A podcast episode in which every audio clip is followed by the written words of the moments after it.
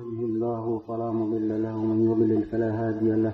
وأشهد أن لا إله إلا الله وحده لا شريك له وأشهد أن محمدا عبده ورسوله.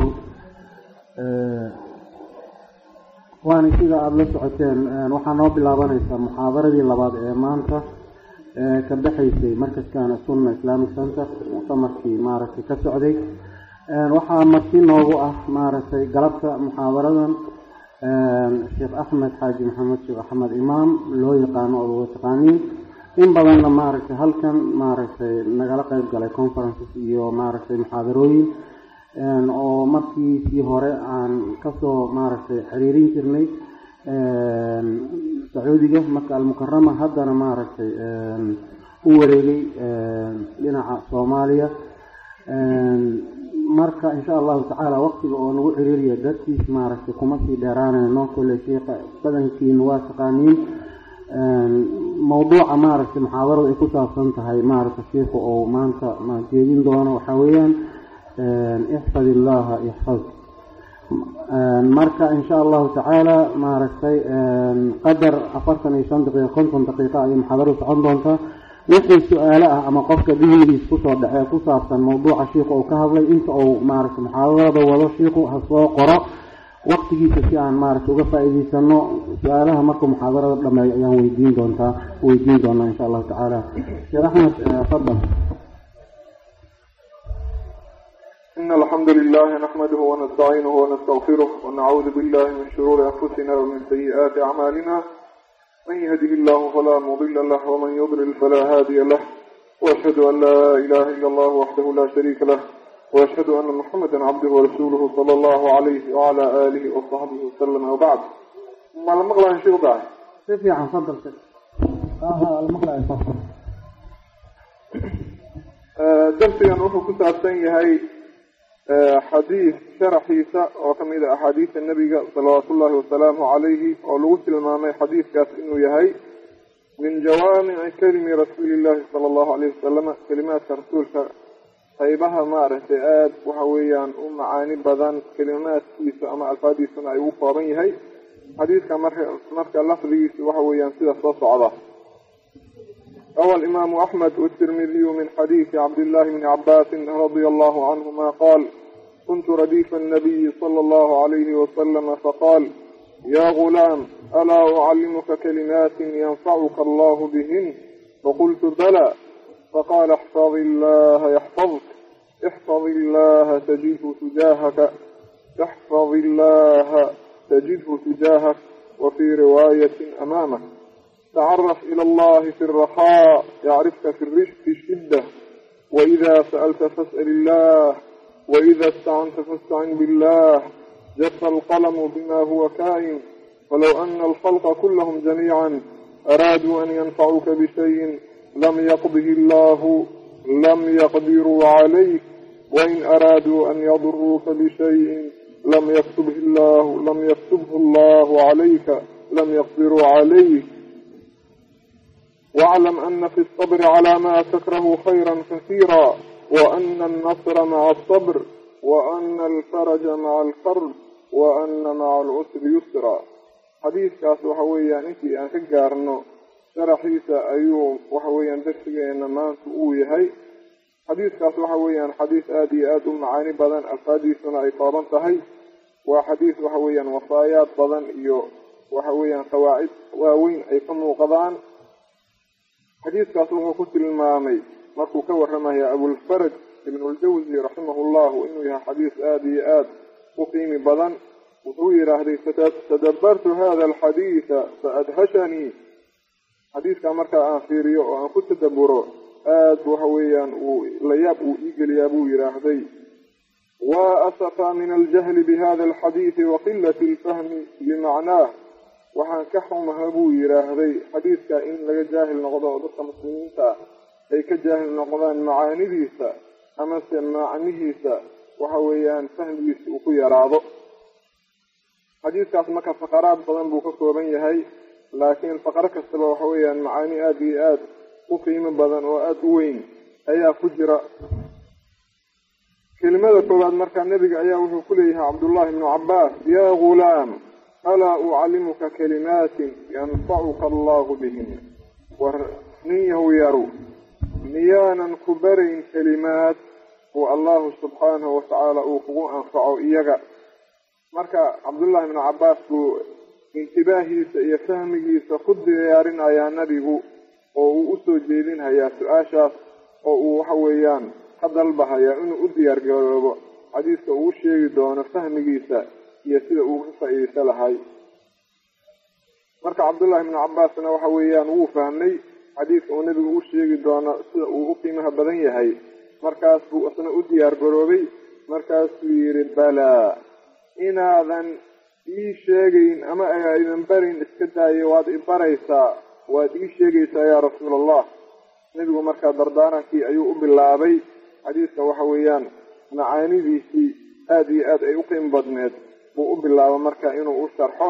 Wuxuu yidhaahday ixfad illaha yaxfadka allahu subxaanahu watacaala xifdi isaguna wuu ku xifdinayaa kelimadaas marka waxa weeyaan kelimad aada u gaaban laakiin aada iyo aada u macaani weyn. Wuxuu leeyahay allahu subxaanahu watacaala xifdi xuquuqdiisa xuduudiisa xifdi awaamirtiisa xifdi waxyaalaha nawaahidiisa xifdi. Waxa uu allahu subxaanahu watacaala uu ku amray waa inuu kaa heelaa waxa uu kaa joojiyey oo uu kaa nahiyey oo uu kuu diiday waa inuusan kugu arag meesha uu kaaga nahiyey. Waa inaad amarka ilaahay subxaanahu watacaala aada xifdisaa waa inaad xifdisaa nahyiga ilaahay oo nahyigiina aadan ku dhacinin amarkiina aadan seerayn weeyaan. Marka awaamirta ilaahay marka inuu qofku xifdiyo weeyaan waxyaalaha uu allah subxaanahu watacaala uu ka nahiyey na uu isaga fogaado ilaan sharcigu. Wuxuu u badan yahay waxyaalo awaamir ahoo la fulinhayo oo qofka laga doonahayo inuu la yimaado iyo waxyaala laga joojiyey ama laga nahiyey oo la doonahayo inuu isaga cararo oo isaga fogaado. Si kaleetana waa loo cabiraaho alxifdu lixuduud illaahina waa la yidhaahdaa xuduuda ilaahi subxaanahu watacaala oo la xifdiyo oo allah subxaanahu watacaala wuxuu ku xif ku ammaanay addoomihiisa in ay yihiin kuwa xuduudiisa xifdiya sida allah subxaanahu watacaala uu ku yidhaahday fii suurati atawba waalxaafiduuna lixuduud illah xuduuda ilaahi subxaanahu watacaala kuwa xifdiya. Marka waxa weeyaan qofka marka uu xifdiyo allahu subxaanahu watacaala awaamirtiisa waxyaalaha uu ka nahiyey xuduuddiisa uu xifdiyo xuquuqdiisa uu xifdiyo isaguna abaalmar wuxuu uga dhigahayaa inuu asaga xifdiyo. Isagoo marka awaamirta ilaahi subxaanahu watacaala la doonayo in la xifdiyo haddana awaamir si gaar ah waxa weeyaan u cajaa'ib badan amase u qiimo badan oo ayaga dardaaran gaar ah iyo awaamir gaara in la xifdiyo laga bixiyay ayaa jiro ay ka mid yihiin salawaadka. Marka salaadaha in la xifdiyo weeyaan qofka ilaahay subxaanahu watacaala ka doonhaya inuu xifdiyo waa inuu asaguna awaamirtiisa ay salaaduhu ka mid yihiin uu xifdiyaa shanta salaadood oo waxa weeyaan si wanaagsan uu awqaadoodii u xifdiyaa dahaaradoodii uu xifdiyaa jamaacadoodii uu xifdiyaa. Sida allahu subxaanahu watacaala uu ina amray oo uu yidhaahday xaafiduu cala asalawaati waasalaati alwustaa waxaad xifdisiin salaadaha iyo salaada uga dhexdhexaadsan salaadaha oo salaaddii casirkii ah wuxuu allah subxaanahu watacaala ku ammaanay mu'miniinta in ay yihiin kuwa salaadooda xifdiya oo waxa uu yidhaahday waaladiina hum calaa salaatihim yuxaafiduun. Iyagu waxa weeyaan kuwa salaadooda xifdiya nebigu markuu ka warramahayay salaadaha xifdigeeda qiimaha ay leedahay iyo abaalmarka ka ratibmahaya wuxuu yidhaahday khamsu salawaatin man xaafada calayha kana lahu cinda allahi cahdun an yudkilahu aljanna salaada shan ah qofkii xifdiya allahu subxaanahu watacaala agtiisa oo qofkaa wuxuu ku leeyahay ballan ah inuu jannada geliyo man xaafada calayhin salaadaha shanta ah qofka xifdiya kunna lahu nuuran wa burhaanan wa najaatan yowma alqiyaama waxay u noqonhayaan nuur iyo xujo iyo wax uu ku nabad galo yowmu alqiyaama. Salaadaha marka si gaar ahaaneed ayaa rasuulku noogala ballamay allahu subxaanahu watacaala noogala ballamay xifdigooda. Waxyaalaha salaada lagu xifdiyo waxaa ka mid a marka tahaaradooda in la xifdiyo oo qofka uu ku dadaalo inuu saxo tahaarada salaada salaadu waxa weeyaan ma hagaagayso. Salaad sharcigana ma noqonayso. Hadday dahaaradeedu ay khariban tahay oo si wanaagsan oo sharciga qofka uuna u dahaaro qaadanin sidaa daraaddeeda nebigu wuxuu ku tilmaamay qofka weysaqaadka ku dadaala inuu qof mu'mina uu yahay oo wuxuu yidhaahday walaa yuxaafidu alwudu'a walaa yuxaafidu cala alwudu'i ilaa mu'min. Ma xifdiyo weysaqaadka ilaa qof mu'mina weeyaan. Qof mu'mina ayaa ku dadaala oo xifdiya oo si wanaagsan u weesaysta weysaqaadka salaadaha waxyaalaha allah subxaanahu watacaala si gaar ahaaneed uu nooga dalbay ama uu waxa weeyaan na amray inaan xifdinno. Waxaa ka mid a dhaarta asaga magaciisa lagu dhaaranhayo allahu subxaanahu watacaala wuxuu leeyahay waxfaduu aymaanakum. Dhaarihiina xifdiya buu yidhaahday. Qofka marka waxa weeyaan allahu subxaanahu watacaala haddii uu ku dhaarto waa inuu dhaarta xifdiyaa. Oo dhaartaas wixii uu ku dhaartay waa inuu sidii uu u xifdiyaa uu ugu dhaartay. Haddii ay kafaaro ka waajibto dhaartiina uu kafaaradii la yimaadaa. Uuna iska ilaaliyo mar kastaba inuu rabbi ku dhaarto ama run ha sheegahayo ama been ha sheegahayo. Carabkiisa inay dhaartu ku badato ma wanaagsana qofka mu'minkaa weeyaan. Oo allah subxaanahu watacaala had iyo jeer uu carabkiisa uu saaran yahay dhaartuu isaga ku dhaarto waa inuuna ka fogaadaa oo aad iyo aad isaga ilaaliyaa. Inuu wax beena uu garanhayo uu magaca ilaahay kula dhaarto taasu waa arrin khatar a weeyaan marka oo kabaa'irta ka mid ah. Marka dhaarta allah subxaanahu watacaala xifdinteedu waxa weeyaan inuu qofku ka ofogaado inuu halhays ka dhirto dhaarta iyo inuu wax beena ku dhaarto. Haddii uu dhaartona waa inuu dhaartaas sideedii ula yimaado ama uu u fuliyaa sida ay ahayd. Haddii ay noqon weysona oo uu dhaartii ku dhacona kafaaradeedii waa inuu la yimaadaa.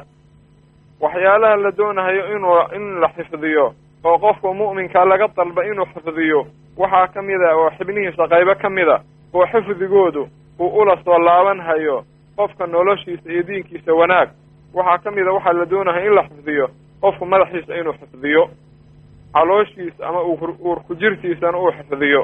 Sida bacdi axaadiis ku soo aroortay ama ku imaatay oo u wariyay alimaamu tirmidi waalimaam axmed alistixyaau min allahi xaqa alxayaa'i an yaxfada alra'sa wamaa wacaa wa yaxfada albatna wamaa xawaa allahu subxaanahu watacaala ka sheexa laga sheexa kan ugu xaqsan waxa weeyaan qofku in uu xifdiyo madaxa iyo waxa uu kulmiyey madaxu. Caloosha iyo waxa caloosha ay kulmida waa inuu xifdiyaa. Haddii marka labadaa xibnood iyo mid walba waxa ku jira uu xifdiyo. Waxaa u soo baxaysa qofka marka diinkiisa inuu uxifdisan yahay. Madaxa xifdintiisa waxaa soo hoosgelahaya oo ka dhalanhaya ama ka imaanhaya qofku inuu dhegihiisa uu xifdiyo oo wax xaaraan uuna dhegihiisa ku maqlin xanta iyo beenta iyo dad isku dirka iyo muusikada iyo heesaha qalbiga qofka qallajiya waa inuu dhegihiisa ka xifdiya oo uuna dhegihiisa ku maqlinin oo dhegihiisa uu ka xifdiyaa waxyaalahaas. Waxaa madaxa ku jira indhihii indhaha waa inuu ka xifdiyaa inuu xaaraam ku fayriyo wax aan a xalaal u ahayn oo cawraad ah inuu ku fiiriyo waxaa ka mid a wixii madaxiisa ku jira carabkiisa waana shay waxa weeyaan aad iyo aad u khatar badan oo gaar ahaaneed si gaar ahaaneed asaga weliba naala kala ballamay in aan xifdino carabka marka intaasoo dhan waxa weeyaan waxay soo hoosgelahayaan madaxa xifdintiisa. Waxaa ka mid a waxa weeyaan xifdintii caloosha ama uurku jirka waxaa soo hoosgelahaya xabadkii iyo calooshii oo dhan waa batni bay soo hoosgelahayaan marka qofku waa inuu xifdiyaa wixii xabadkiisa ku jira oo qalbigiisa uu ka mid yahay qalbigiisa wax xun inaysan ku jirinin oo xiqdi iyo xasad iyo waxyaala waxaa ka la yidhaahdo amraadu alquluub waa inaysan qalbigiisa ku jirin oo qalbigiisa uu ka tahiraa oo uu ka nadiifiyaa waxyaalahaas xun. Calooshiisa wax xaaraama waa inaysan gelinin. Oo luqmadda calooshiisa gelaysa waa inuu iska hubiya inay xalaal tahay. Luqmadda qofka calooshiisa gelaysa aahaar badan baa ka dhalata qofka suluugiisa iyo dhaqankiisana qayb bay ku leedahay. Marka qofka hadduu iska hubiyo waxa calooshiisa gelaya inay xalaal yihiin wax wanaagsan ayuu waxa weeye noloshiisu noqonaysaa wax badan baana u hagaagaya oo diinkiisa ka mid ah. Marka madaxa waxa uu xifdiyo ama waxa ku dhex jiro o dhan waa inuu xifdiyaa. Waxa xabadkiisa calooshiisa ku jira waa inuu xifdiyaa. Allahu subxaanahu watacaala wuxuu inoo sheegay in maaragtay waxa madaxiisa ku jira ama xabadkiisa ku jira yowma alqiyaama in wax laga weydiinhayo allahu subxaanahu watacaala wuxuu yidhaahday ina asamca waalbasar waalfu'aad kullu ulaa'ika kaana canhu mas'uulan. Maqalka iyo aragga iyo qalbiga kuwaas dhammaantooda. Waxa weeyaan waa kuwo xaggiisa qofka wax laga weydiinayo yowma alqiyaama inuu xifdiyey oo awaamirtii saareed iyo nawaahidii saareed iyo cubuudiyadii laga doonahayey xibnahaas in uu u sameeyey. Waxyaalaha la doonahayo in la xifdiyo oo si gaar ahaaneed waxa weeyaan qofka loo amray waxaa ka mid ah waxa weeyaan carabkiisa oo madaxiisii ku dhex jiray oo madaxa markii uu xifdiyo waxa weeyaan uu xifdismaayey si gaar ahaaneed loloo weydiiyey amase loo amray inuu carabkiisa xifdiyo. Oo nebigu wuxuu yidhaahday man xafida maa bayna laxyayhi wa maa bayna rijlayhi dakhala aljanna. Xadiiskaas waxa weeyaan uu wariyey. Alxaakim fi lmustadrak wuxuu nebigu leeyahay qofkii xifdiya labadiisa laafdaan labadiisa laf oo daanka. Waxa weeyaan waxa u dhaxeeya waa carabkii weeyaan. Qofkii marka labadaas lafood waxa u dhaxeeyo carabkiisa iyo xifdiya iyo labadiisa lugood waxa u dhaxeeyo cawradiisa qofkii xifdiya oo xaaraanta ka xifdiya dakhala aljanna. Xadiis kalese wuxuu dhahahayey oo uu wariyey alimaamu albukhaari man yadmanu lii maa bayna laxyayhi wa rijlayhi adman lahu ljanna qofkii ii damaano qaada. Labadiisa lafood oo daanka waxa u dhaxeeya iyo labadiisa lugood waxa u dhaxeeya oo kii horena uu yahay carabkii kan labada lugood u dhaxeeyana uu yahay cawradiisa waxaan u damaano qaadahayaa janno. Marka qofkii xifdiya carabkiisa wuxuu haystaa damaano qaad min rasuulillaahi sala allahu alay wasalama jannada in loo ballo qaaday qofkii xifdiya labadiisa lugood waxa u dhaxayda oo cawradiisa xifdiya oo xaaraam aan waxa weeyaan kula tallaabsan cawradiisii qofkaas isagana damaan wuxuu haystaa waxa weeyaan ah rasuulka damaan uu u qaaday oo jannada loo damaan qaaday. Qofka marka allahu subxaanahu wa tacaala xifdiya awaamirtiisa iyo waxyaalaha nawaahidiisa ah waxa uu haystaa qofkaas damaanaqaad oo allah subxaanahu wa tacaala uu isagoona uu xifdinhayo oo u ballan qaaday in uu xifdinhayo. Qaacido sharciga weeyaan arrintaasu aljazaa'u min jinsi alcamal baa la yidhaahdaa abaalmarku waxa uu u ku jinsi yahay falka horeeto falka horeeto jinsigiisii oo kaleeto. Ayuu abaalmarku noqon hayaa lo qofka lagu abaalmarin hayaa qaacidadaasna marka aayaad badan oo min kitaabi illahi subxaanahu wa tacaala ayaa shawaahid u ah oo waxaa ka mid a aayaadkaas tusinhaya aljazaa'u min jinsi alcamal qowluhu subxaanahu wa tacaala wa awfuu bicahdii wuufi bicahdikum waxaad oofidiin ballankayga. Aniguna ballankii baan oofinhayaa ballankiina. Fadkuruunii adkurkum waxaad isheegtiin aniga magacayga sheega aniga ishayga adkurkum aniguna waan idin sheegahayaa. In tansuru llaha haddii allah subxaanahu watacaala aad u gargaartiin oo diinkiisa aada u gargaartiin oo diinkiisa aada kor u qaadiin yansurkum isaguna wuu idin gargaarahayaa. Marka aayaadkaas waxay tusinhayaan xadiidkan waxa uu tusiyey oo ah aljazaa'u min jinsi alcamal allahu subxaanahu wa tacaala markii aada xifdiso isaga ayaa ku xifdinhayaa wa huwa khayrun xaafidan allahu subxaanahu wa tacaala inta u xifdisana isaga ayaa u khayr badan. Xifdiga allahu subxaanahu wa tacaala wuu kala duwan yahay. Siyaalo badan buu qofka isaga xifdiya uu u xifdinhayaa. Waxyaalo adduunyadiisa ku tacalluqda iyo masaalixda adduunyadana wuu ka xifdinhayaa. Waxyaalo ku tacalluqda masaalixdiisa diintiisana wuu u xifdinhayaa. Waxa weeyaan qofkii allahu subxaanahu watacaala xifdiya wuu xifdinhayaa masaalixdiisa adduunyo noloshiisa buu xifdinhayaa caafimaadkiisa buu xifdinhayaa ilmihiisa buu xifdinayaa maalkiisa buu xifdinhayaa intaasoo dhan waa masaalixdii adduunyada wuxuu haystaa qofkii allah subxaanahu watacaala xifdiya xifdiga allah subxaanahu watacaala iyo ballanqaadkiisa buu haystaa masaalixdiisa adduunyada oo dhan inuu uxifyado inuu u xifdinayo ayuu haystaa weeyaan qofka marka caafimaadkiisa allah subxaanahu watacaala baa xifdinhaya markuu isagu xifdiyo rabbigiisa. Qofka awooddiisa ilaahay baa uxifdinhaya markuu rabbigiisa xifdiyo. Qofka ilaahay subxaana watacaala caqligiisa buu uxifdinhayaa nin waalan ka dhigin mahayo caqligiisa buu ugu raaxaysana uu ugu raaxaynhaya ilaa uu ka dhinto markuu isagu rabbigiisa xifdiyo. Maalkiisa buu uxifdinhayaa markuu isagu xifdiyo rabbigiisa. Markii uu rabbigiisa xifdiyo ilmihiisa buu xifdinayaa intaasoo dhan waxa weeyaan marka masaalix adduunyo oo ka imaanaysa markuu allahu subxaanahu watacaala uu isagu xifdiyo ayay u imaanaysaa oo uu abaalmar u helahayaa arrintaa cagsigeeda waxaa ah qofku haddii uu rabbigiisa dayaco inuu isaguna dayacahayo oo uusan xifdinaynin maalkiisa iyo nafsadiisa iyo xoolihiisa iyo caafimaadkiisa iyo awooddiisa midna uunan u xifdinaynin waxaa la wariyey bacdu salaf ayaa wuxuu arkay nin dagta isagoo da da'ah duqoobay dadkii tuugsanhaya markaasuu saa intuu u fiiriyo wuxuu yidhi inna haadaa dayaca allaha fii sigarih wa dayacahu allahu fii kibarih ninka waxa weeyaan markii uu yaraay ayuu rabbigiisa dayacay.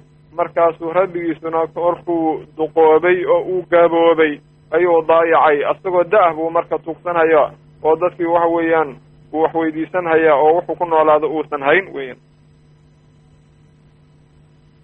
allahu subxaanahu watacaala qofkii xifdiya ayaa isaga waxa weeyaan isagana waxa wey uu ka helahayaa xifdi oo uu maaragtay badankiisa iyo caafimaadkiisa iyo awooddiisa iyo maalkiisa uu ilaahay subxaanahu watacaala uxifdinhayaa waxaa la wariyey alimaam abutayib daahir bnu cabdillahi bni daahir altabari ka mida culamada shaaficiyada ama fuqahada shaaficiyada waaweyn oo qarnigii waxa weeyaan arbacmiya khamsiinkii dhintay iyaa isagoo boqol sano gaaray uu waxa weeyaan doon soo fuulay. Doontii markii xeebta imaatay ayuu ka booday markaas buu xeebtii ku dhacay si nin dhalinyar aho toban jir ah. Markaas bay la yaabeen waxay dhaheen waxaad u boodaysaa sida wiil dhalinyar ah oo kaleeto boqol baana jirta waa sidee? Markaas buu wuxuu yidhaahday kelimad la yaab leh wuxuu yidhi haadihi jawaarix xafidnaaha can almacaasi fi siqar faxafidaha allahu calayna fi lkibar kuwan waxa weeyaan aan la boodahay od ujeediin xibno weeyaan aan markaan yarayn macaasida ilaahay ka xifdinay markaas buu allahu subxaanahu watacaala markaan gaboobnay buu nagu xifdiyey marka xifdi xaggaa ka socda weeyaan qofka doonahaya marka ilaahay inuu uga raaxeeyo awooddiisa iyo xibnihiisa waa inuu xifdiyaa marka uu yar yahay oo ilaahay subxaanahu watacaala macaasidiisa oo aada iyo aada xibnihiisa ugala dagaalamaa arrintaas shawaahideeda waxaaba ka mid a maaragtay aayaad allahu subxaanahu watacaala fii kitaabihi uu ku xusay oo wa kaana abuuhumaa saalixan qisadii nabiyullaahi muusa waalkhadir waxaa ku jirtay wa ama aljidaaru fakana lighulaamayni yatiimayni fi lmadiina wa kana taxtahu kanzun lahumaa wa kana abuuhumaa saalixa labadaa waxa weeyaan yatiim aabahooda wuxuu ahaa saalix labadaa yatiim marka iyaga salaax ay leeyihiin oo allah subxaanahu watacaala uu u xifdiyey aayadda laguma xusin laakiin waxaa lagu xusaa aabahood inuu saalix ahaa. Salaaxii aabahood baa allah subxaanahu watacaala iyagoo yaryar oo aytaam a uu ku xifdiyey.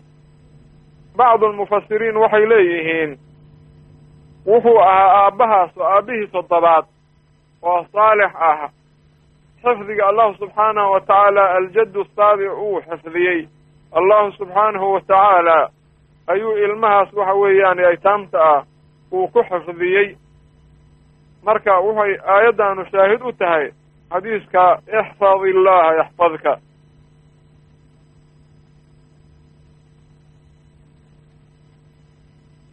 wax kasta oo dhibaato ah oo makruuh ah oo waxa weeyaan qofka noloshiisa iyo maalkiisa iyo caafimaadkiisa khatar u ah allahu subxaanahu wa tacaala ayaa ka xifdinaya markuu isagu rabbigiisa xifdiyo qasas badan oo arrintaa ku tacalluqa ayay waxa weeyaan dadka mufasiriinta ah amase dadka xadiiskan sharxaya ay soo naqliyaan. Waxaan tilmaamaynaa marka laba qiso oo midna uu sheegay fakhrudiin iraazi fi tafsiirihi midna alimaam ibnu rajab uu ku sheegay kitaabkiisa oo xadiiskan uu ku sharxay.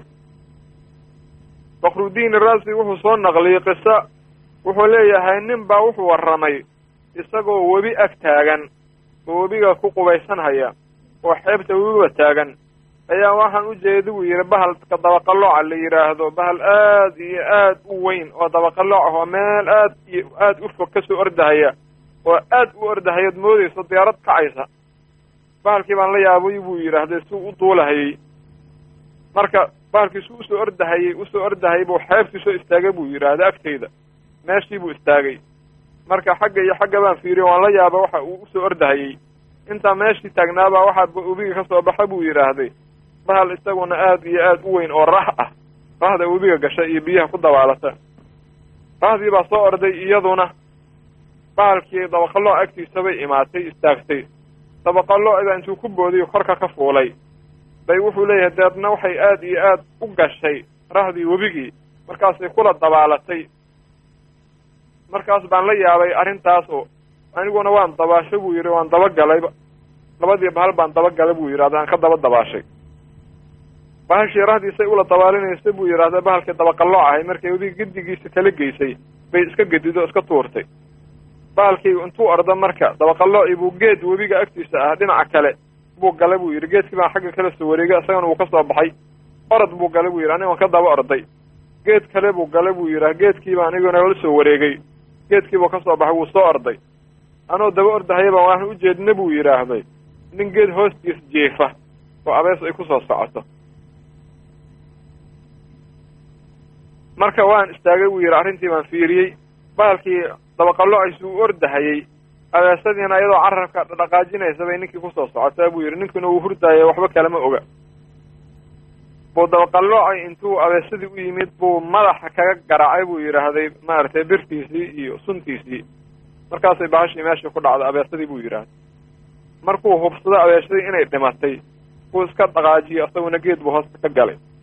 Ninkii baa wuxuu yidhi waan soo baxay oo ninkii baan u imid hurdaahay o ninkii baan kiciyo waxaan yidhi war ka kac ninkii wuu soo fadhiistay oo indhuhu ma maaragtay tirtira marka maxaad ahayd buu yidhi meeshaan baan iska jiif buu yidhi geedkan baan dukaday oo geedkan baan misan hurda iga qabtay meeshaan iska jiiftay markaasaan waxaan idhi buu yidhaahday dabaqalooca geedkaas galay ayaa ilaahay subxaanahu watacaala wuxuu kaaga soo adeejiyey asaga iyo rah webiga dhinaciisa kaleeto si ay u dilaan bahashaa kugu soo socotay oo abeesado adigu aadan u jeedin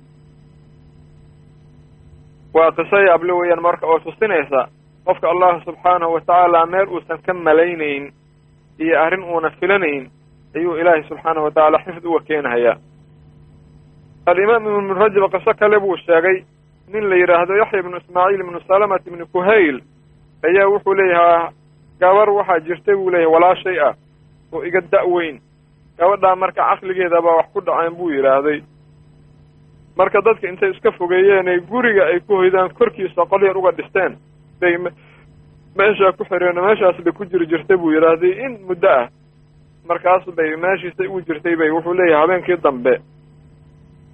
Waxaa warramahaya ninka yaxya ibn ismaaciil oo ay walaashii tahaa baa warramahaya wuxuu leeyahay habeen saq dhexe habeen habeenada ka mida iyadoo guriga korkiisa ku jirtay dhowr iyo toban sannadood oo gurigeenna aan soo gelin ayay gurigii soo gargaraada buu yidhaahday markaas baan yidhi waayo markaas bay tihi waa heblaayo. Ma heblaaya waa heblaayo. Ma kaja kaja baa la dhahayay gabadha. Kajo miya. Haa waa kajo bay tidhi guri bay soo gashay ta loo furay. Muddo dhowr iyo toban sanana guriga mayna soo gelinin. Markaas baa la yidhi maxaa ku maxaa caawa kugu dhacay? Waa sida arrintaadu. Markaas bay tiri cawada intaan seexday ayaan anuu hurdadii ku jira hurdadii la igu yimid markaasaa waxaa laygu yidhaahday ina allaha qad xafida aabaaki ismaaciila lisalamata jaddik. Ilaahay subxaanahu wa tacaala wuxuu xifdiyey aabbaha oo ismaaciil ah. Ninka awowgaa ah oo la yidhaahdo salama wanaaggiisa iyo salaaxiisa baa aabbaha loo xifdiyey wa xafidaki liabiiki ismaaciil adigana wuu ku xifdiyey allah subxaanahu wa tacaala ismaaciil xifdigiisa oo allahu subxaanahu wa tacaala uu xifdiyey ayaa adigana lagu xifdiyey buu yidhaahday. Qofkii la hadlahay hurdada kula hadlahayay fain shi'ti dacawti illaaha fadahaba maa biki. Wa in shi'ti sabarti walaki aljanna hadda aad doonayso allah subxaanahu wa tacaala ayaad baryaysaa waxa ku haya way kaa tegahayaan. Haddaad doonaysona waad ku sabraydaa musiibada ku hayda. Marka janno baadna leedaha markaa markaas bay waxay tidhaahday fa idaa kaana laabudda min ikhtiyaarin min ikhtiyaari axadihimaa faasabru calaa maa ana fiihi waaljanna haddii laga maarmaan ay tahay labada arrimood mid inaan doonto waxaan doortay bay tidhaahday sabarka iyo jannada ina allaha caza wajalla lawaasicun bikhalqihi laa yatacaadamuhu shay in shaaa an yajmacahumaa lii facal waxay tidhahdeen marka waxay ilaahay subxaanahu wa tacaala ay ka damacday ama ay ka jeclaysataa arrintii kale oo inuu caafimaad siiyo oo waxay tidhahday allah subxaanahu wa tacaala khalqigiisa waasic buu u yahay wax ka weynana ma jiraan hadduu doono labada arrimood inuu ii kulmiyo wuu samaynayaa bay tidhaahday markaasaa qofkii hurdada ay ku aragtay wuxuu yidhaahday fa allaha qad jamachumaa laki wa radiya can abiiki wa jaddiki. Allah subxaanahu wa tacaala labadaba wuu ku kulmiyey. Aabbahana raadi buu ka noqday awowgaana raadi buu ka noqday qumii faanzilii qumii faanzilii faadhaba allahu maa kaana biha markaasaa la yidhaha marka istaag wixii ku hayay oo dhibaato ku haydana waa kaa qaaday rabbi baa kaa qaaday istaag baa lagu yidhaahday gurigii bay soo gashay iyadoo ordaysa marka oo dhahaysa. Ilaahay baa i caafiyey. Allahu subxaanahu wa tacaala qofkii xifdiya ayaa asaga iyo nafsadiisa iyo caafimaadkiisa iyo maalkiisa iyo caqligiisa iyo ilmihiisa allahu subxaanahu wa tacaala xifdiyaa. Wuxuu nebigu noo sheegay sida uu wariyay alimaam axmed fii musnadihi can rajulin qaal ataytu annabiya sala allahu alayhi wasalam faidaa huwa yuriinii beytan qisa qisadaas oo kaleeto ah ayuu wuxuu weeyaan alimaam axmed uu wariyey oo wuxuu leeyahay nin baa wuxuu leeyahay nebiga maan u imaaday marka nebigu wuxuu galay inuu itusinhayo guri oo wuxuu leeyahay ina imra'atan kaanat fiihi fakharajat fii sariyatin min almuslimiin wa tarakat bintay casharata canzan wasiyataha kaanat tansaju biha qaala fafaqadat canzan laha wasisiyataha faqaalat yaa rabbi inaka qad daminta liman kharaja fii sabiilik an taxfada calayhi wa inii qad faqadtu canzan min ganamii wasiisiyatii wa inii anshuduka canzii wasiisiyatii haweeneeda marka dagaal bay u baxday oo haweenka muslimaadka axyaanan dadka mujaahidiinta bay axyaanan ay raaci jireen ayagoo u kaalmaynhayo oo cunada u karinhayo oo dadka maaragtay dhaawaca waxa weeyaan daaweynhayo amase waxa weeyaan biyasiinhaya axyaanan marka haweentaasu dadkaas bay raacda muslimiinta ah waxay gurigeedii kaga tagtay laba iyo toban riyood iyo bir yar oo ay ku samaysta jirtay suufka.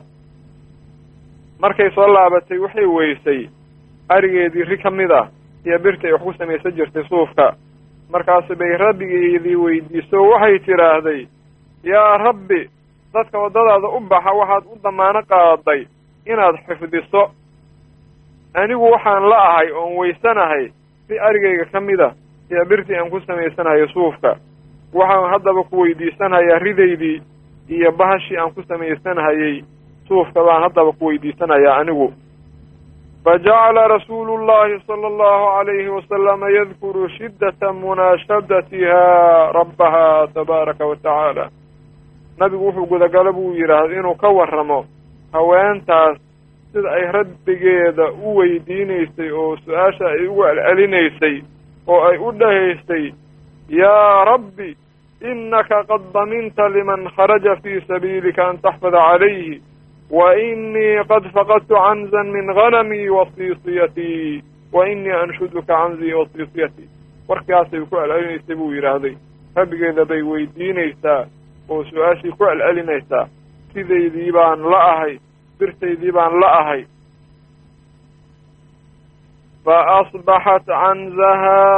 mihlahaa wa siisiyatahaa wa mihlahaa wahaatiika fa'tihaa in shi'ta faqultu bal usadiquka yaa rasuula allah haweenaydii way waa baraysatay iyadoo rideedii iyo ri kale ay la joogaan iyadoo birteedii iyo bir kale is ag saaran yihiin markaasuu nebigu wuxuu yidhaahday kaalay haddaad doonayso waan ku tusahayaa haweentii gurigeedii markaasuu nebigu wuxuu yidhaahday maya waan kuu rumaynaya yaa rasuulallah arrintaa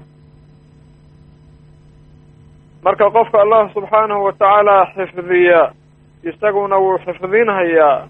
Qofkii allah subxaanahu wa tacaala dayaca isaguna wuu dayacahayaa waxaa dhici karta xayawaanaadkii uu isticmaalahayey dameertii uu raranhayey ama awrkuu raranhayey oo awel waxa weeyaan uu ka malaysay ama uu ka arki jiray wanaag markuu isagu rabbigiisa caasiyo xayawaankiina inuu dhib ku noqdo baa dhici karta oo meesha uu xayawaankaas ka malaysanhayay gargaar aydan dhibaata uga imaata ayaa dhici karta buu yidhi.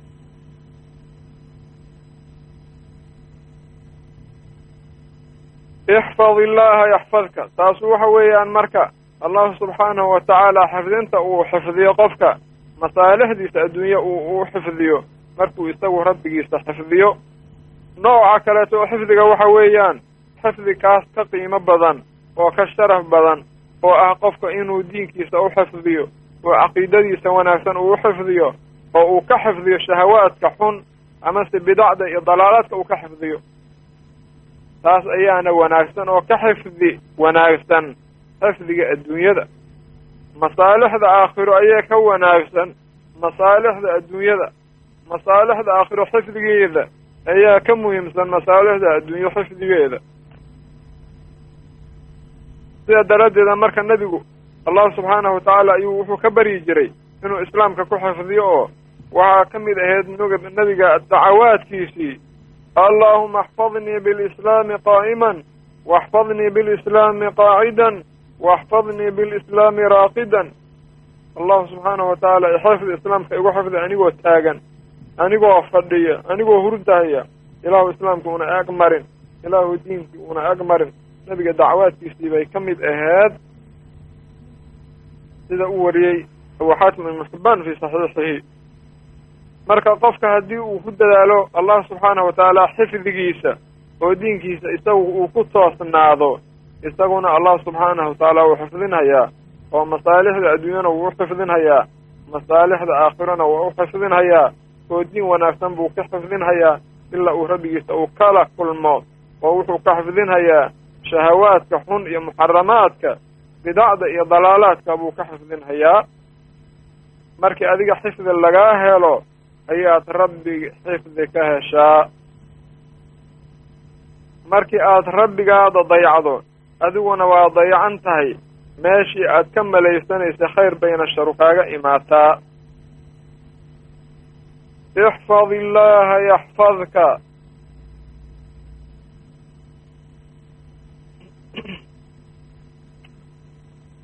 waxaa xikamta ka mid ah marka bacdu ahlilcilmi ay soo naqliyeen.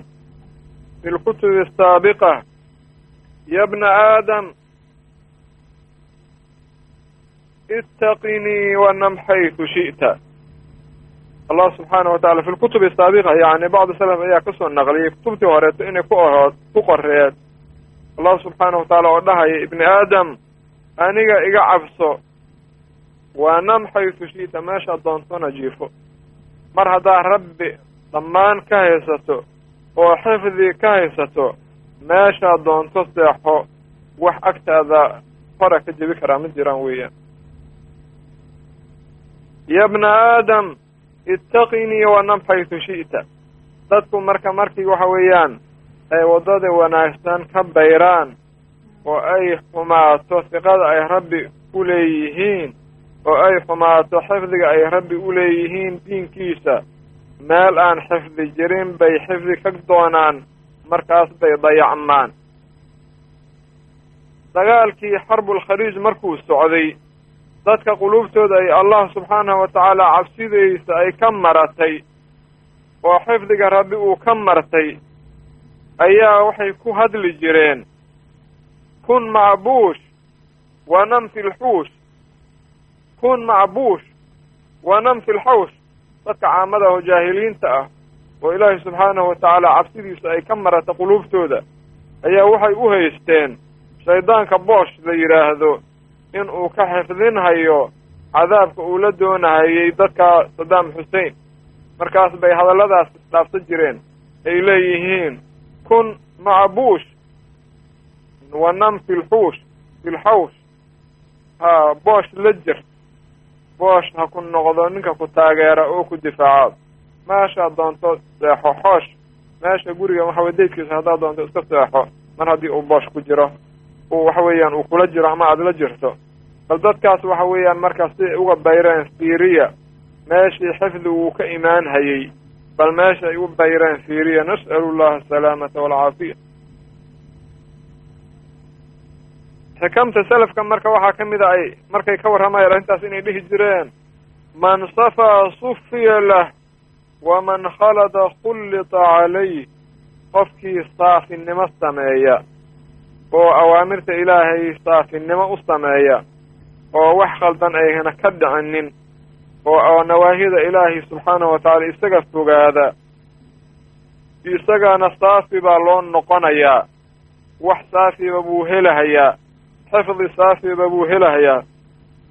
Laakiin qofkii amarka ilaahay subxaanahu wa tacaala aan si wanaagsan u gudan oo waxyaalaha uu ka nahiyey aan si wanaagsan isaga fogaan oo wax isku qasa isagana arrintiisa waa la qasahayaa man safaa sufiya lah waman khalada khullida calayh.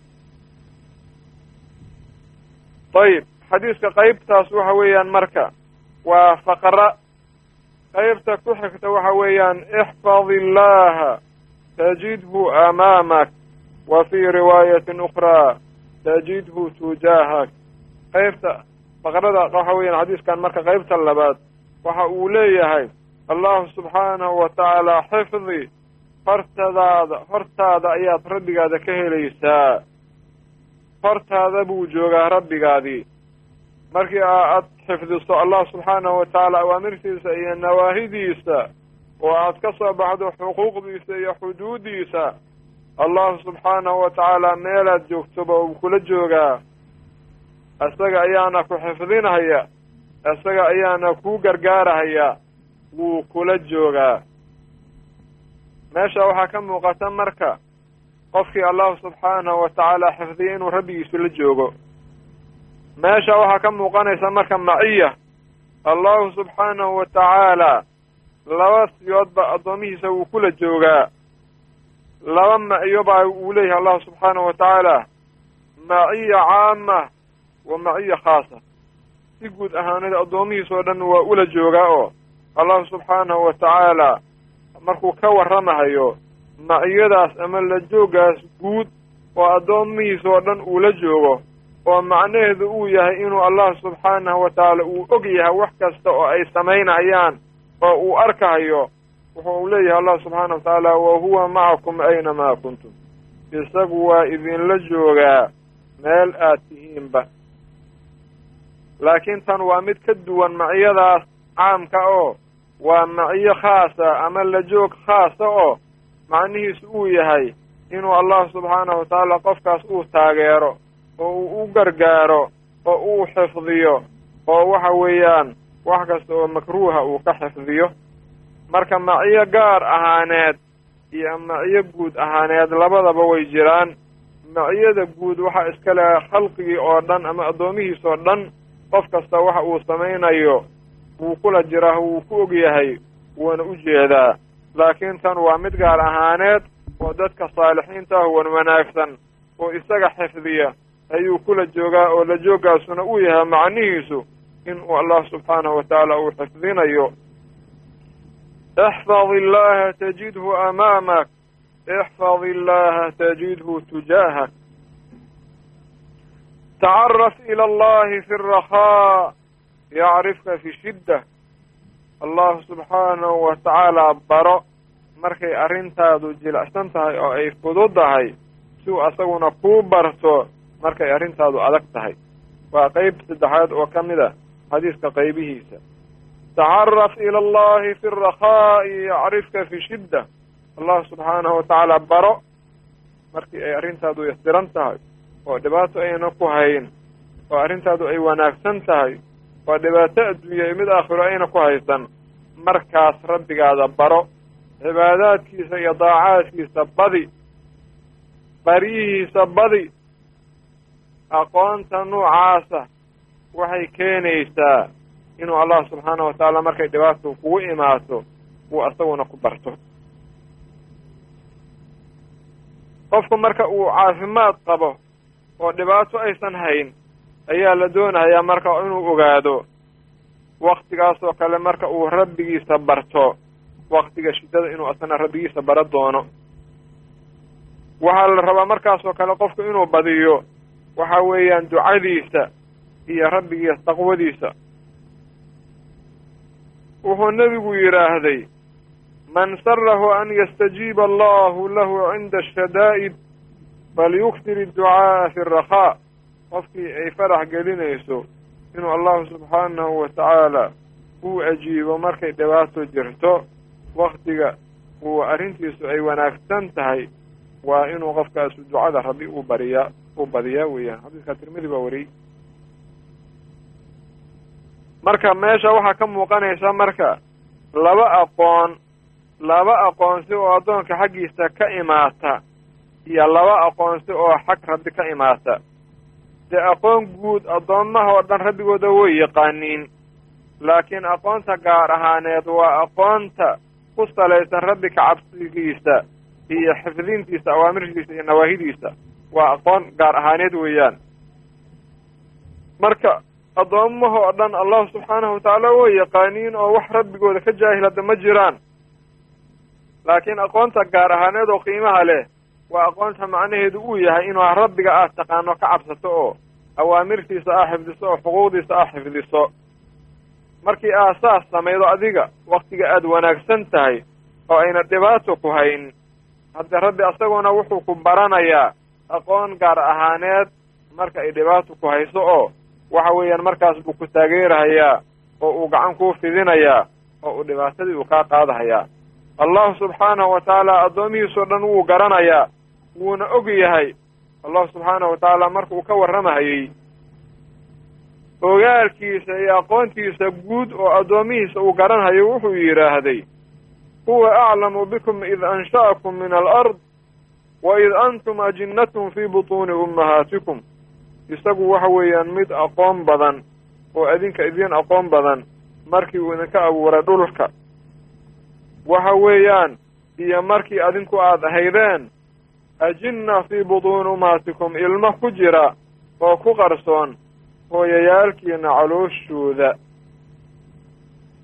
dee markaasna wuu idin garanayay markuu idin abuurhayo aadam aabbihiina uu abuurhayna wuu idin yaqiinay aqoon guud weeyaan taasu aayad kale allah subxaanahu watacaala wuxuu ku leeyahay walaqad khalaqna alinsaana wa naclamu maa tuwaswisu bihi nafsuh waxaan abuurnay insaankii waxaanan garanaynaa waxa nafsadiisu ay ugu sheekaynayso waa aqoon guud weeyaan marka. Aqoonta gaar ahaaneed waxa weeyaan aqoon macnaheedu ay tahay inuu allahu subxaanahu watacaala dhibaatada kaa fiido marka ay ku qabsato oo markay musiiba kugu imaato uu musiibadii kaa qaado. Marka taasuna waa abaalmar weeyaan. Markii adigu aad rabbigaada aqoonsatay markii aada fiicneed markay dhibaatadu imaatay inuu rabbi ku aqoonsado weeyaan adiguna. Tacaraf ila allahi fi rakhaa'i yacrifka fi shidda.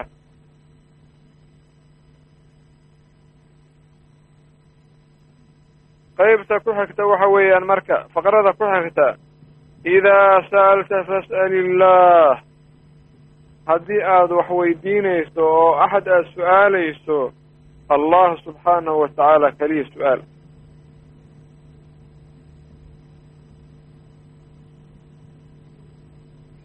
Idaa sa'alta fas'al illaah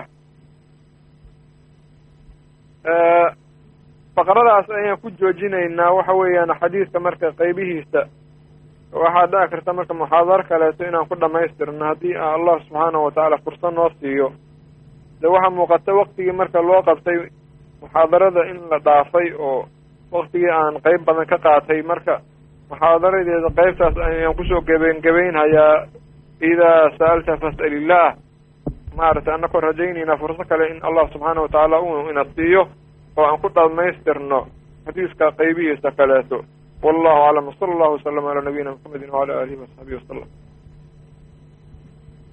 jazaaka allahu khayran sheekhana sheekh axmed imaam anagana allaha nagu anfaco in allahu tacaala sheekh waktigii salaada ayaa u soo dhow marka waktigii muxaadaradiisa waa maaragtay loogu talagalay ayuu maaragtay sheikhu ku joojiyey. Jaza llah khayr. Su'aalo badan ayaa yimid sheekh axmed marka su'aalaha kolley wakti badan uma hayno. Markii aan isla fiirfiirinay intii aan isdhehaynay waa anfacaysaa insha allahu tacaala dadka dhegeysanaya waa wada su'aalo muhiim ah laakiin waktigu ma saamaxa in laga wada jawaabo marka qofkii su'aashiisa jawaabteeda maqli waaya sidaas insha allahu tacaala ha u fahmo. Sheekh dhowr su'aalood ayaan qaadan doonaa insha allahu tacaala haddii aada noo saamaxdo waktigu saamaxayo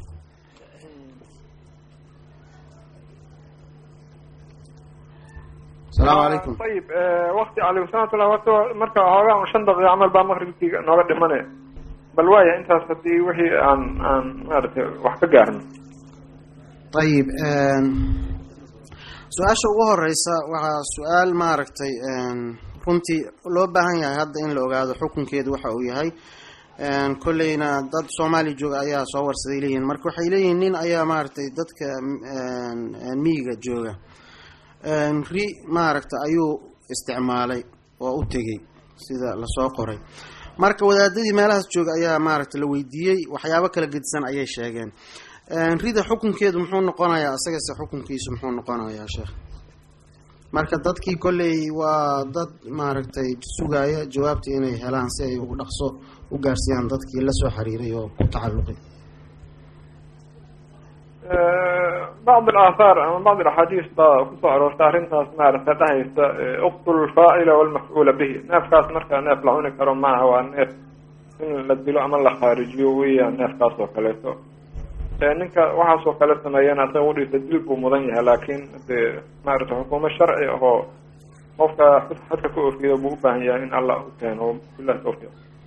Jazaaka allahu khayran sheekh su'aasha labaad waxa ay leedahay sheekh waxaan ka shaqeeyaa tareen wadankan tareemada la raaco. Shaqaalaha ka shaqeeya ayaan ka mid ahay dabcan qofka maaragtay raakibka iyo qof ka shaqeeya waa kala gedsan yihiin shaqow ku jiraa salaadihii ma gaabin karaa hu leeyahy maalin walbana safar ayaan ku jiraa oo tareenka ayaan la socdaa. Salaadihii ma gaabin karaa. Qibladiisa maaragtay inaan u jeesto xaggeeda ma igu waajibaa fattaqu llaha ma istatactum waxa weeyaan haddii ay kuu suuro gasho in aad qibladii ujeesato markaad dukanayso waa inaad ujeesato hadday kuu suuro geli weyso hadday kuu suuro geli weysona laa yukalifu llahu nafsan ilaa wuscahaa dee safarka intaa ku jirtona ruksadiga safarka wuu kuu banaan yahay oo ah qasriga iyo jamcigaba labadaba ay kuu suuro gelaysaa maaragtay rukso ayaana uhaysataa ilaa aad ka tegayso meeshii marka aad dooneysay inaad safarka ku baabi'iso ama aada ku joojiso safarka intii ka horeysana waad haysataa ruksada safarka wabillahi tawfiiq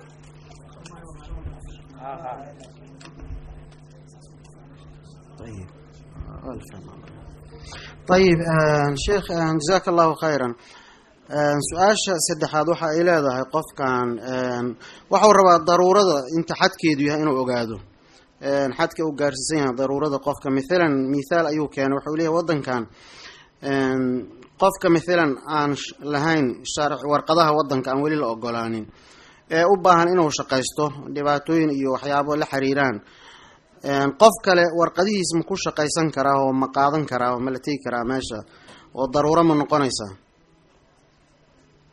maya been weeyaan taas hadde beentuna waxyaalaha aada iyo aada u liidata oo maaragtay nifaaqa aasaasiyaadkiisa ay ka mid tahay. Marka wax kasta oo been ku salaysan qofku waa inuu isaga fogaadaa si wanaagsan oo dabiici ah waa inuu wax ku goobtaa maaragtay ama shaqo ama waxa weeyaan furso u soo baxda dee qofkii ilaahay ka cabsadana yaxfad illah yaxfadka weeyaan way u soo baxaydaa qofkii mar hadduu ilaahay u isaga u xifdiyo furso wanaagsan buu helahayaa iyo wax wanaagsan oo uu ka shaqaysto jazaaka allahu khayran sheekh sheekh su'aashii hore haddaan ku laaban waxaad moodaa inaysan maaragtay caddayn sida aan u dhignay.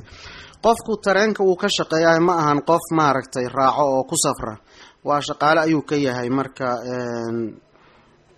sidaas ayaan maaragtay ula jeedna sheekh. Waa isla meeshii dee qofka hadduu mar safar uu ku jiro ama isagoo ka shaqeeyo ama maaragtay haka ama ha noqdo raakib ama se shaqaale ha noqde marka haddii uu safar ku jiro qofkii dee ruksadii safarka wuu iska leeyahay waa rukso u taallo weeyaan dadkao dhan oo qof gaara uuna jirin. Maaragtay ilaa waqtigii uu isagu safarka ka joojinhayo ama safarkiisu dhammaanhayo ama uu geedka ka degahayo intii laga gaaro safarkiisu waa u socdaa ruksadiisina wuu haystaa jazaaka allahu khayran sheekh su'aashan waxa uu leeyahay saa-ilku sheekh dharka midabkiisu yahay hurdiga. Ma qaadan karaan raggu maaragtay ma xiran karaan? Ma muxuu yahay hurdi waxay ujeedaan umalaynaa maaragtay bink cagaar. Waxaan dhihi lahay jaalle jaalle cafwan. Gaduudka tiqda ah weeyaan maaragtay dharka nahyi wuu ku yimaaday ragga inay qaataan dharkaas wixii ka soo hara oo ayna ahayn wax gaalo ay qaadato ama gaalo ay xirato ee dadka muslimiinta isticmaalan qofka u banaan yahay. Nooc kasta ha noqdo gaarka dharkaas weya haddii uusan gaduud ahayn ama maaragtay shay gaaladii ay dhar ay xirtaan oo lagu yaqaan uusan ahayn. Ha ayib jazaaka allahu khayran sheekh qof halkan maarata su'aasha waxa uu leeyahay asna saa-ila qof waxaa jira walaalkay oo keli laga bedelay oo maalintii qaata kaniini afar jeer. Markaas ma soomi karaa soonku ma ka dhacaya mase soonkii waa laga rabaa? Haddii soonka loo maleeyo qofka xoogaa caafimaadkiisa inay wax soo gaarahayaan oo xoogaa maaragtay ama cudurkii uu ku soo kordhayo amase kelida ay ka halaabayso dee markaas waxaa rukso u haystaa inuu soomkii iska daayo oo fidye uu bixiyo intii uu nool yahay. Ilan kelida haddi inta mar yacni la rajaynhayo inay wax iska bedelaan amase ay caadi noqoto kulley waxaa dhici karta inaysan jirin. Marka haddii yani dhakhaatiirta ama isagoo ay qaridaan haddii uu soomo inay dhibaato soo gaarto caafimaadkiisa ama kelidiisa wax iska bedelaan qofka marka wuxuu u wareegahayaa fidye inuu bixiyo soomkii oo waxa weeyaan isagana dee ruqsu haystaa markaas inuu afuro fidyana uu iska bixiyo maalintii. Jazaaka allahu khayran sheekh. Su'aashana insha allahu tacaala ku soo khatimaynaa sheekh su'aashan dhowr su'aalood isku jira weeyaan. Qeybteeda hore waxa ay leedahay sheekh ma la isticmaali karaa daawooyinka lagu jilciyo tinta ama midabka madowga ah aan ahayn. Macnaha midabada kale ee madowga wixii ka soo haro ah tintiina lagu jilcinayo kolley arrintaas waxa weeyaan almudaahaat likhalqi illahi yani qofka inuu sameeyo abuuristii allah subxaanahu watacaala wax u eg maaragtay waa arrin manhi ah oo tintii jilicsaneed oo ilaahay uu abuuray tin kaloo jilicsan inuu maaragtay wax u eg uu sameeyo ama si midabkii madooba oo alla uu abuuray midab midab kaleeto oo ka duwan inuu sameeyo waa mudaahaat weeyaan arrintaasna ma wanaagsano waana arrin sharciga ku liidata. Qofka caafimaadkiisana waxa weeyaan dhaawac gaarsiido oo saad ogtihiin daawooyinkan tinta la mariyo amase jirka la mariyo kolley un sida aan ognahay takhaatiir badan oo arrintaas ka sheekeeya muslimiinta waxay dhahaan dhibaato badan oo caafimaad baa ka dhalatay kadib maaragtay. Marka qofku waa inuu iska ilaaliyo waxyaalahaas oo kaleeto oo wixii maaragtay ilaahay subxaana watacaala ugu talagala u abuuray maaragtay uu ilaahay ku mahdiya wabilahi tawfiiq. Jazaaka allahu khayr. Qeybta labaad ee su'aasha waxay leedahay sheekh hooyaday oo dhimatay ayaa soon lagu lahaa ma ka soomi karaa? Soonkaas haddii hadde maaragtay cudurdaar uu iyada uga tegay oo masalan iyadoo jiran soonkii intuu ku soo galay oo misena jiraneed oo soonkii uu dhaafay oo kadib soonkii kadib aan furto u helinin inay soonto oo jiradii ay sii haysay haddii saas ku dhimato dee iyadiina soon laguma lahaa qof ka qadaynhaya ma jiraan laakiin iyadoo ay isu suuro gashay inay soomto oo markaas maaragtay aan soomin haddii ay jirto markaa way ka soomi kartaa laakiin marka hore suurada horeta iyadana soonna laguma laha qof kaloo ka soomaayo lama arko haddii cudurkii amase dhibaatadii ay soonka u daysay haddii uunan dhaafin ilaa ay ka dhimato. Jazaaka allahu khayran sheekh qeybteeda kale su'aasha waxay leedahay qofku hadduu dhinto isagoo aan tukan jirin oo taariku salaad ahaa ma lagu tukanaya janaasada u jeedaa dabcan.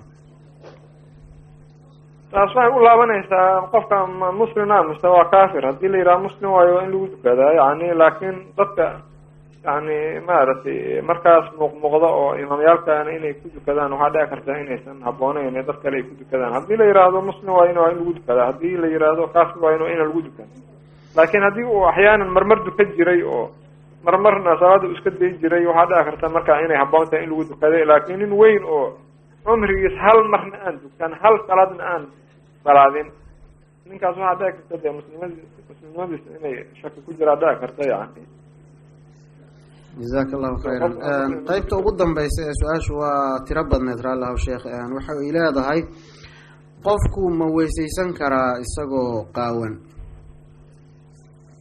Hadduuna meesha uunan xibnaha weysada jebiyo hadduuna iska taaban waa caadi weeyaan waa weyseysan karaa.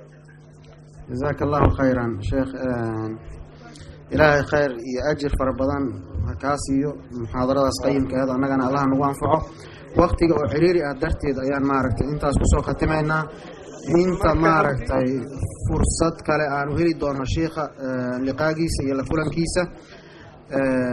Waxaan leenahay sheikha jazaaka allahu khayran. Wa dacwatukum in sha allah